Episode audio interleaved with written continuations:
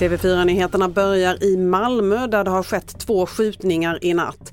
Polisen jagar nu två misstänkta gärningsmän för mordförsök på en man och även i Linköping har en man skottskadats. Enligt Ukrainas försvarsminister planerar Ryssland att slå till med full militär kraft mot ukrainska mål på årsdagen av invasionen den 24 februari. Det handlar om tusentals ryska soldater och vapensystem som mobiliserar vid gränserna. 600 000 bank-id förnyas varje månad och för att förhindra att de används i samband med bedrägerier så förstärks nu säkerheten.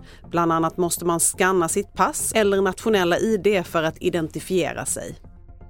Antibiotikaförsäljningen på recept ökar.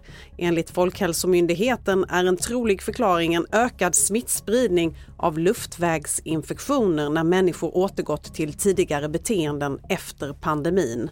Den totala försäljningen är trots ökningen ändå mindre än innan pandemin 2019. Fler nyheter på tv4.se. Jag heter Libertad Mancini.